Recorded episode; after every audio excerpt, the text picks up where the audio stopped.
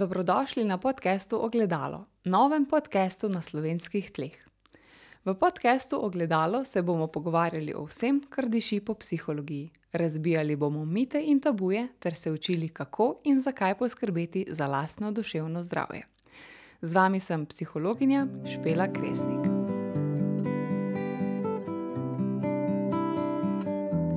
V osmi epizodi bomo nadaljevali s tematiko perfekcionizma.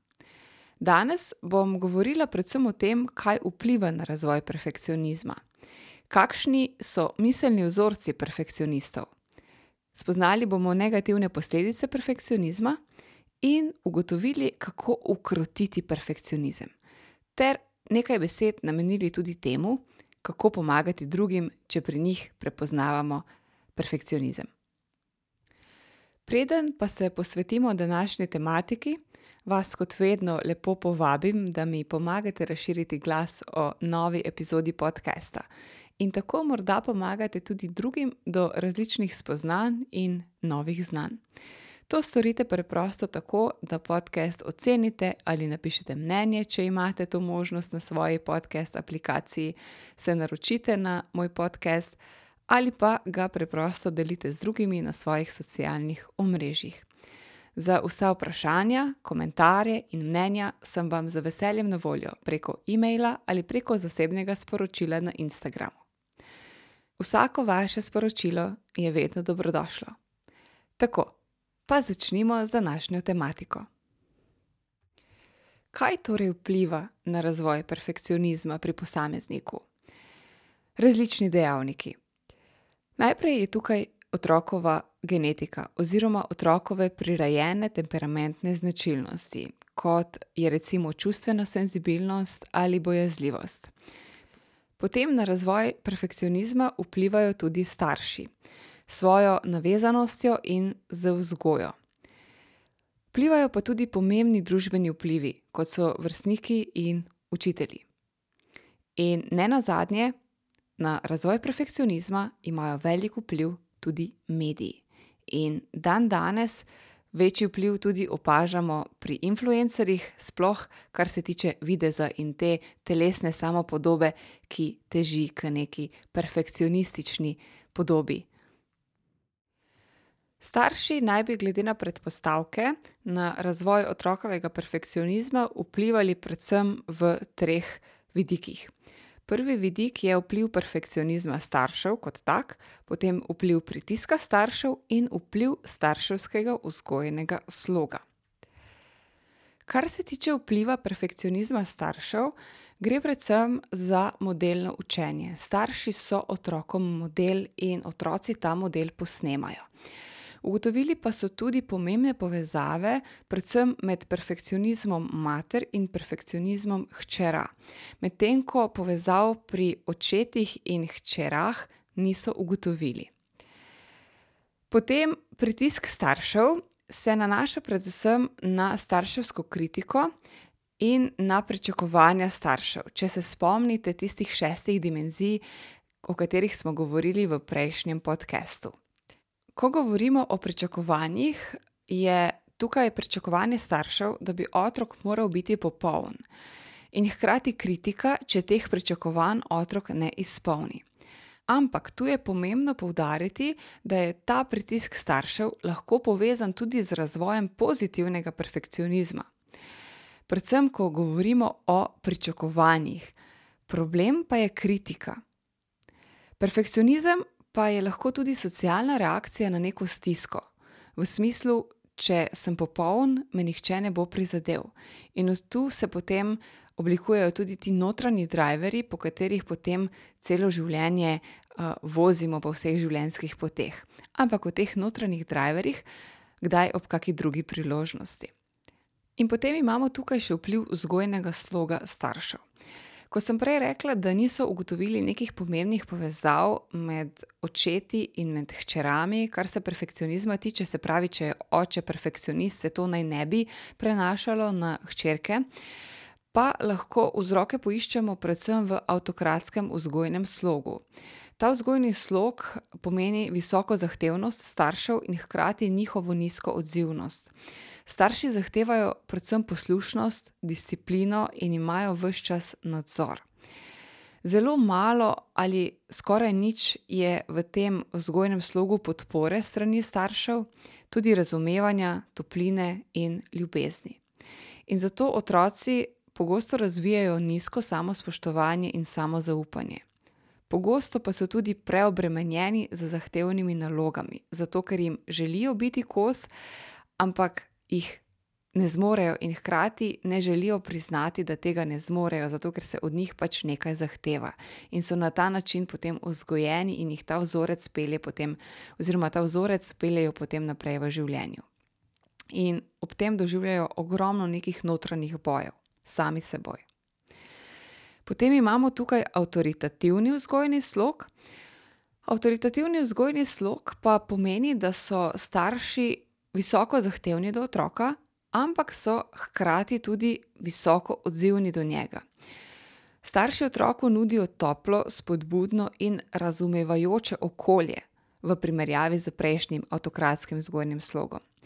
In zato imajo otroci znotraj takega vzgojnega sloga priložnost, da razvijajo pozitivno samopodobo, visoko vztrajnost pri nalogah, v šoli pa so pogosto tudi uspešni.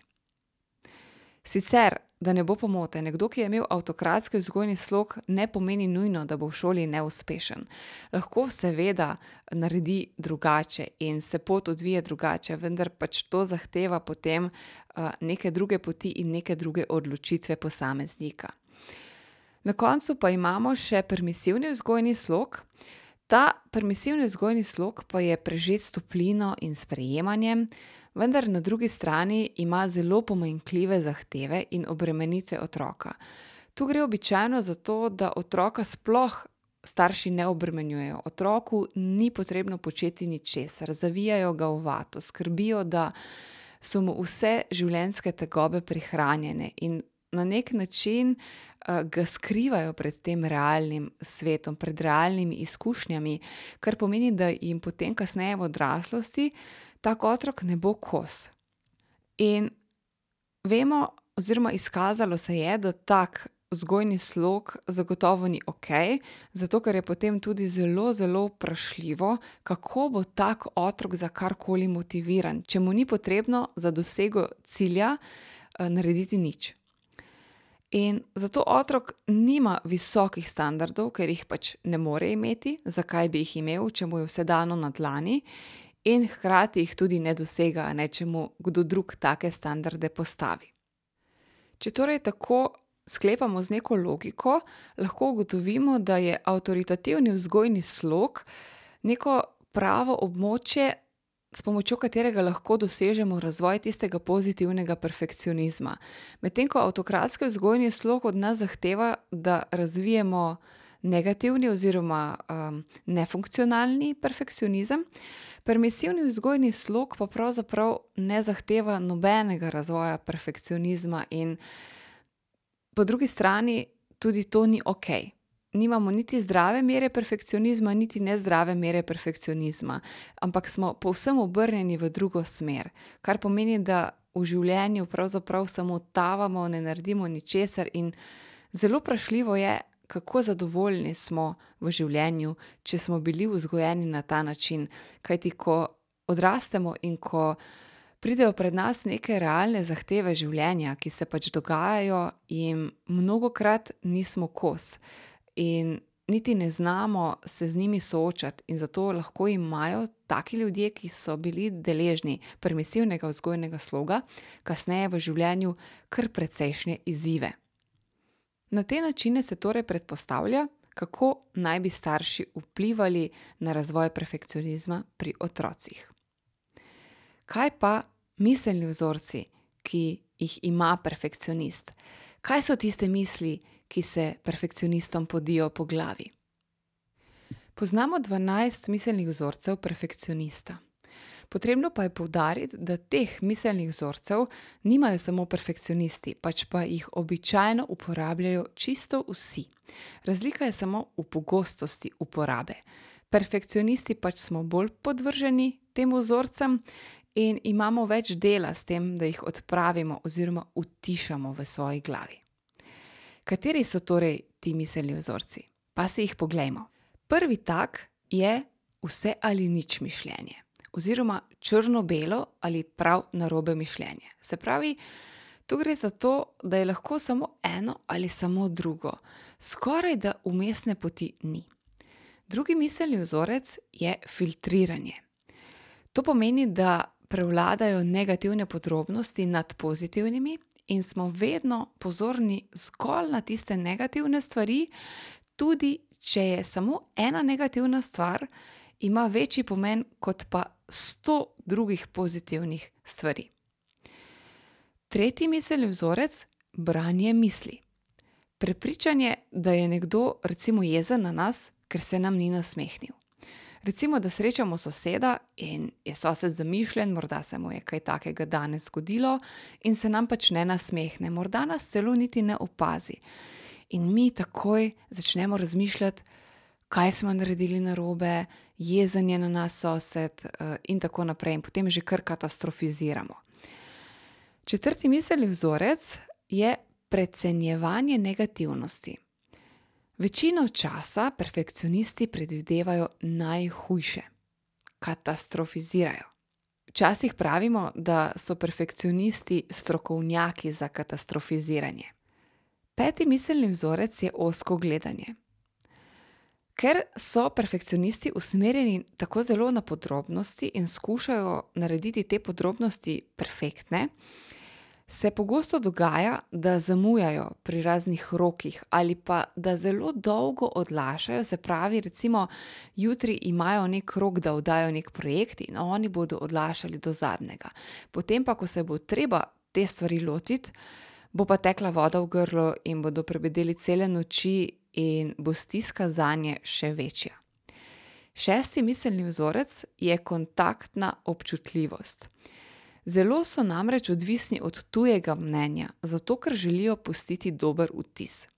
Tu govorimo predvsem o tistem negativnem perfekcionizmu, ko, imamo neko lastno vrednost zelo, nizko, ko se ne cenimo dovolj, ko nonstop potrebujemo, potrditve in nonstop potrebujemo torej puščati dober vtis na druge ljudi. Sedmi miselni vzorec je katastrofično razmišljanje. Kot sem že prej omenila, ne, perfekcionisti so strokovnjaki za katastrofiziranje in vedno pač razmišljajo v tej sferi, da so prepričani, da se ni mogoče soočiti s porazom. In zato bodisi ali sploh ne poskusijo, ali pa delajo tako dolgo, dokler, pač, stvar ni popolna, to je lahko torej tudi v neskončnost, ali pa zato nikoli ne dokončajo neke naloge. Ker je pač boljše, da ni dokončana, kot da nam spodleti. Osmi miselni vzorec je rigidnost oziroma neelastičnost.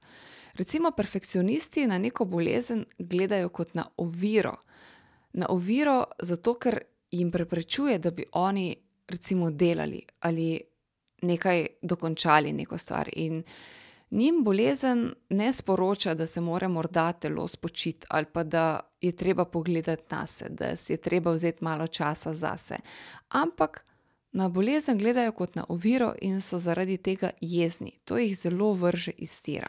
Hkrati pa so zelo kritični do sebe. To je taka blazna, blazna kritika. Seveda odvisno od tega, koliko je izražen ta perfekcionizem, ampak, redko boste srečali perfekcionista, ki ni kritičen do sebe. Deveti miselni vzorec je prevelika odgovornost in prevelika potreba po nadzoru. Tukaj zopet pridemo do izjemne kritičnosti do sebe in zaradi tega imajo občutek, kot da nosijo preveliko odgovornost, in tudi to lahko perfekcioniste izčrpava. Hkrati pa so pretirano kritični do drugih in zato imajo velike težave tudi z delegiranjem nalog, ker menijo, da pač drugi ne bodo dovolj dobro naredili nekih opravil. In zato imajo tudi potrebo po nadzoru, če že komu dopustijo, da naredi neko njihovo opravilo, so potem, ko eni, ko ene muhe, ki non-stop letajo okoli in težijo, kaj ni v redu, kaj je v redu, kaj je še treba popraviti, in lahko si kar predstavljate rezultat tega uh, nezadovoljstva tiste osebe, ki je bila kao zaupana ta naloga. Ne? Če mi nekomu zaupamo, da bo delo upravil, potem to pomeni, da mu zaupamo in ne da ga vse čas držimo v nadzoru in vse čas pogledujemo, ali je to delo v redu upravil ali ne. Deseti miselni vzorec so moral oziroma morala bi stavki. Tu gre predvsem za precenjene posledice. Ne? Uh, večkrat boste v govoru perfekcionista odkrili te miselne vzorce, uh, ki bodo kar ti govorni vzorci. Govorili bodo: moram, še to moram, še to bi moral, še to bi morala. Recimo. In oni v bistvu precenjujejo, zopet katastrofizirajo, torej precenjujejo posledice, če pričakovanja niso izpolnjena. Oni imajo v glavi eno tako, uh, en tak oblak teh katastrofičnih misli. Če recimo ne bodo izpolnili nekih pričakovanj, jih kar začne stiskati, dušiti ta tesnoba, in oni preprosto spet naredijo iz muhe slona, ko razmišljajo o posledicah, kaj se bo zgodilo, če neka naloga ne bo opravljena. Enostavno je treba te perfekcioniste večkrat opominjati na to, da smo ljudje, ki delamo napake in da napake so nekaj, kar lahko popravimo. Ok, obstajajo neke nepopravljive napake, ampak vendarle pri perfekcionistih se zatakne že pri tistih najmanjših napakicah, ki so zares hitro popravljive. Oni že za tiste napakice imajo um, neke zelo katastrofalne predstave uh, o posledicah. Enajsti miselni vzorec je nezaupanje. To je točno to, kar sem povedala že pri miselnem vzorcu številka devet, ko imajo potrebo po nadzoru. Um, se pravi, to nezaupanje kot enajsti miselni vzorec uh, se veže predvsem na delegiranje nalog. Oni drugim ne zaupajo, da bodo nalogo opravili enako dobro kot oni sami. In zato imajo na tem področju res strašanske težave. Zato tudi, če je kdo vodja in je perfekcionist, ima včasih velike težave z delegiranjem nalog. In Tega se da vse naučiti. Da se naučiti spustiti ta občutek, eh, da se naučiti kontrolirati te misli, um, vendar le pa rabimo nekaj časa ne, in predvsem dela na sebi. In še zadnji miselni vzorec je primerjanje. Ta miselni vzorec pa se odvija v perfekcionistovi glavi vse čas. Bodi si v šoli, bodi si v službi, bodi si sosedi, neprestano spremljajo medije, recimo zdaj bi lahko rekli, da neprestano gledajo lajke, koliko ima eden lajkov, pa koliko ima drugi lajkov, in nonstop se primerjajo, a sem zdaj dovolj dobra, ker sem dobila toliko lajkov kot, ne vem, neka moja konkurenca, ne. to je recimo eden izmed možnih eh, miselnih vzorcev perfekcionizma oziroma perfekcionista. In to je lahko zelo obremenjujoče. Zato je mogoče celo tak prvi korak, da se nehamo primerjati z drugimi in da vedno tekmujemo sami s sabo. Najučinkoviteje je seveda to, da pač preprosto ne spremljamo tega, ne pogledujemo lajkov, ne preverjamo drugih, ker sicer je to vedno eno tako ne zunanje tekmovanje, pač pa notranji boj. Uh, v bistvu sami sebe obremenjujemo s tem. In to je tisto, kar nam jemlje ogromno, ogromno ene dragocene energije. Ok, zdaj smo spoznali miselne vzorce, ki se podijo po glavi perfekcionistov, zdaj pa spoznajmo še negativne posledice, ki jih perfekcionizem prinaša. Predvsem tukaj zopet govorimo o tem negativnem vidiku oziroma o nefunkcionalnem perfekcionizmu. Raziskave so ugotovile povezanost perfekcionizma z osebnostnimi motnjami. In predvsem so ugotovili, da nas je usmerjen perfekcionizem, o katerem sem govorila v prejšnji epizodi, se povezuje z obsesivno-kompulzivno osebnostno motnjo. K drugim usmerjen perfekcionizem se povezuje z vedenskimi vzorci agresije, dominacije in z dramatizacijo, predvsem. Medtem ko socialno predpisan perfekcionizem pa so pri tem ugotovili povezave z mejno osebnostno motnjo, predvsem na čustvenem vidiku, ali pa z izogibajočo oziroma odvisno osebnostno patologijo, v smislu socialne anksioznosti in te pretirane odvisnosti od odnosov. Pa ne samo to. Negativne posledice perfekcionizma so vidne tudi v našem zdravstvenem stanju. Kajti ugotovljeno je bilo, da perfekcionizem, pripomore k razvoju bowlove bolezni, recimo Chronova bolezen in ulcerozni kolitis, potem, abdominalne bolečine pri otrocih so taka stvar, ki je povezana s perfekcionizmom. Veliko je tudi somatike, v smislu glavobolov, kroničnih bolečin, in ne boste verjeli, tudi astma je ena izmed takih stvari. In, s perfekcionizmom povezujejo tudi hipertenzijo in kardiovaskularne bolezni. To pa je po mojem mnenju predvsem zaradi tega, ker če imamo ta nefunkcionalni perfekcionizem, ki nas ves čas drži v nekem krču in pod stresom, torej se to absolutno mora nekje poznati. In prej ali slej se ta dolgoročna izpostavljenost temu negativnemu stresu kaže na našem telesu. Zdaj, ko ste malo bolj spoznali te negativne posledice, ki jih lahko prinaša ta pretiran, nefunkcionalen perfekcionizem, upam, da vas bo vsaj to spodbudilo k razmisleku in k aktivaciji spremembe, se pravi, da boste naredili korak v smeri proti spremembi, da se boste odločili in naredili nekaj v zvezi s tem, da boste ukrotili svoj nefunkcionalen perfekcionizem in ga morda preusmerili v tistega bolj funkcionalnega, ki vas lahko podpre. Zato predlagam, da nadaljujemo z odgovorom na vprašanje, kako ukrotiti perfekcionizem. Predvsem je prvi korak to, da se naučimo upravljati lastne misli. Kot smo prej spoznali teh dvanajst miselnih vzorcev, se lahko zdaj malo poigrate v prihodnjem tednu sami sabo, svojimi mislimi in jih odkrivate. Če jih zelo pogosto odkrivate, potem obstaja verjetnost, da ste tudi vi nagnjeni oziroma imate bolj izražen perfekcionizem. In prvi korak je seveda zavedanje teh misli. Potem šele upravljanje. Zdaj, načinov, kako upravljati misli, je več. Vendar danes konkretno v tej epizodi o tem ne bom govorila, bom morda namenila eno posebno epizodo temu. Recimo eden izmed načinov je samo ta, da preprosto tem mislim rečemo stop in jih zamenjamo z nekimi pozitivnimi mislimi. Zelo dobro je, da imamo morda pripravljene neke spomine na neke dogodke, ki so v nas sprožili pozitivna čustva.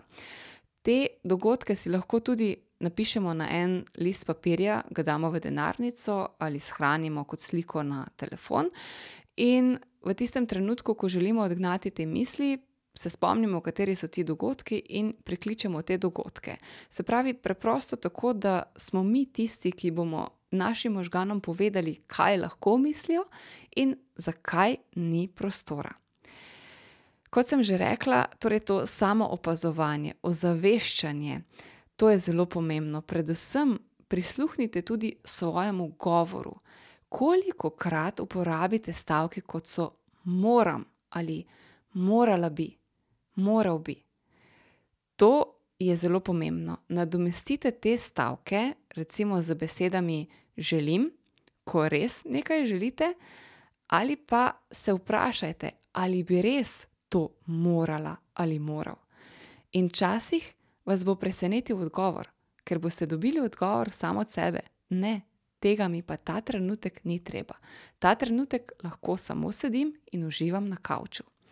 Ampak razumem, do tega je dolga pot in včasih je kak korak pač malo težji. Zato vam polagam na srce: vaja dela mojstra in nihče drug ne bo mogel namesto vas teh misli ukrotiti ali spremeniti. To ste samo vi, vi ste poglavar svojih misli, vi ste glavni uh, akter svojega življenja. In bolj kot boste vi vadili, bolje bo in lažje vam bo šlo. Naslednja uh, možnost za krotitev perfekcionizma je, da se naučimo delegirati naloge, vendar ne na tak način, da bomo potem non-stop nekomu stali za vratom in ga nadzirali, pač pa da zaupamo in spuščamo te občutke. Lahko si tudi zapisujete te občutke, kako se počutite med tem, ko nekdo drug upravlja to nalogo. Uh, predvsem prepoznajte jih, dovolite si jih začutiti in zaupajte, da se bo vse uredilo tako, kot se mora. Postavite si časovni rok, zato da ne boste zamujali zaradi nepomembnih detajlov. Naučite se eliminirati te stvari. Se pravi, naučite se eliminirati nepomembne detajle. Sprašujte se, ali je to pomembno ali ni pomembno. Če ni pomembno, gremo naprej. Ne ustavljajte se predolgo, ker sicer boste imeli še večji izziv. Zato perfekcionisti potrebujejo časovne roke, sicer zavlačujejo z neko stvarjo, kolikor lahko. Morda bodo komu tudi pomagale afirmacije. To je recimo ena izmed možnosti. In seveda spreminjanje omejujočih prepričanj. To pa je zelo pomembno. Zopet odkrite svoje omejujoče prepričanja, vzorce, ki vas omejujejo. Tukaj spet gre za to samo opazovanje in ozaveščanje.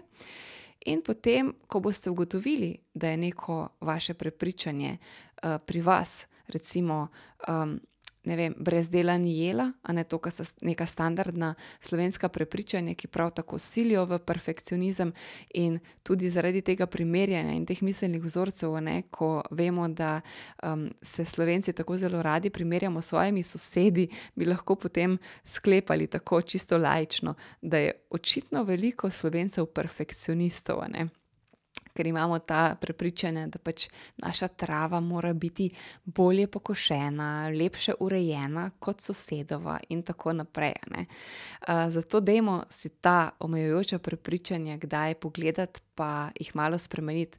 Mal se dajte povprašati, ali me to prepričanje omejuje in kaj imam od tega, če tako mislim. In Najpomembneje pa je, da ko boste naleteli na neko prepričanje, ki vas omejuje, se vprašate, kdo to pravi in ali to zares drži.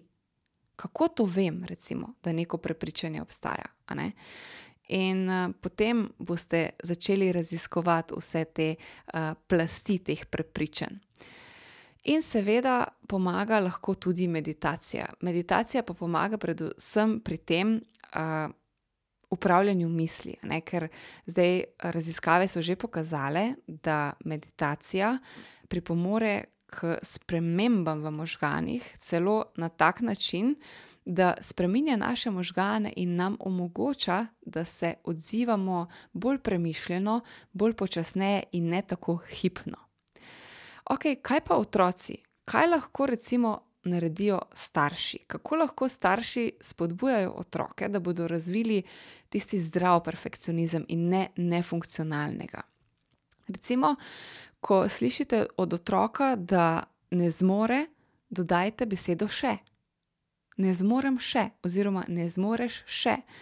Ko boš večji, ali pa ko boš recimo osvojil neko znanje ali veščino, boš pa to zmogel. Podelite z otrokom svoje napake, povejte mu, da ste tudi vi bili kdaj uh, v njegovih uh, čevljih, recimo, da ste tudi vi kdaj naredili kakšno napako, da ste se tudi vi zmotili. Pomagajte mu pri iskanju rešitev. To ne pomeni, da iščete rešitve na mesto njih, pač pa, da ga uspodbujate z vprašanji v smeri iskanja rešitve. Na mesto, da se otrok ustavi, ga vprašajte, ok, kaj misliš, da bi lahko še naredil? Kje so še poti, kje so še možnosti. In predvsem pohvalite otroka. Tu zopet, da ne bo pomote, ne gremo v tiste skrajnosti, kjer je samo hvala, hvala, hvala, ampak za tisto pristno pohvalo. Ne prevečkrat, ne premalo, vse v mejah normale. Torej. In predvsem ustvarite spodbudno okolje, takšno okolje, v katerem vi ne počnete stvari na mesto njih. Kajti, če jim ne dovolite, da oni sami preizkusijo, da oni sami se učijo na lastnih napakah, potem jim pravzaprav nič dobrega ne doprinesete. Ne? Uh, zato jih spodbujajte, da poskusijo, potem pa jim pomagajte, ne pa da počnete stvari na mesto njih. Predvsem tukaj vidim, da je večkrat težava v strpnosti in potrpljenju staršev, ker pač otrok zahteva malo več časa, da neko veščino osvoji ali pa da si recimo zapre zadrgo, zaveže čevela. Mi pa to že vse počnemo tako na pol avtomatsko, že skoraj rutinsko, in potem ne si mislimo, joj, pa kako zdaj tako dolgo ti to delaš, da je bom jaz na mesto tebe. Ne, ne počasi. Uh, tudi vi ste bili enkrat otrok, tudi vi ste potrebovali svoj čas. Ne? Zaupajte, da zmorejo in jih spodbujajte.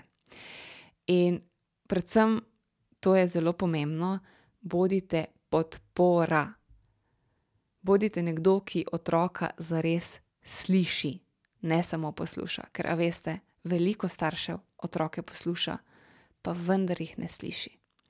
In zelo je pomembno tudi, da otroku pomagate prepoznati čustva.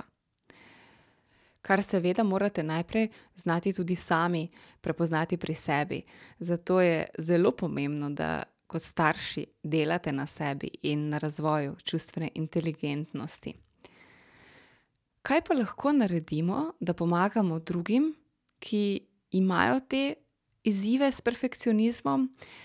Dejstvo je, da tudi če vi pri nekomu opazite, da ima izražen nefunkcionalni perfekcionizem in kako zelo ga to ovira v življenju, vi nikogar ne morete spremenjati. Pravzaprav niti nimate pravice. Zato kar takoj odnehajte. Ne poskušajte tega, ne poskušajte spremenjati človeka. Raje kot to, bodite vzgled v prvi vrsti, po drugi strani pa izkazujte razumevanje in bodite podpora. Predvsem za vprašanji, um, bodite nekdo, ki razume. Sploh zdaj, po tem podkastu, ko razumete, kakšni so miselni vzorci, ko razumete, kaj se dogaja v glavah teh perfekcionistov. Morda nisem dovolj dobro oziroma dovolj poudarila, kako zelo so ti miselni vzorci trdovratni in to ne gre spremeniti čez noč. Včasih so potrebna leta in ti miselni vzorci so pri kom že tako zelo avtomatski in ponotranjeni, da jih pri sebi sploh ne prepoznava. Mogoče je tukaj priložnost, da jim pomagate prepoznati te prisilne misli. Že to bo lahko veliko, ker ozaveščanje je prvi korak, da sploh lahko nekaj spremenjamo. In naj ta podcast zaključim še z mislijo, ki je namenjena predvsem tistim, ki vam perfekcionizem v življenju povzroča številne izzive. Done is better than perfect. Hvala, ker ste to epizodo poslušali do konca. Hvala vsem, ki ste že ali še boste na kakršen koli način pripomogli, da ta podcast doseže čim večji krok ljudi. Vaša podpora mi resnično ogromno.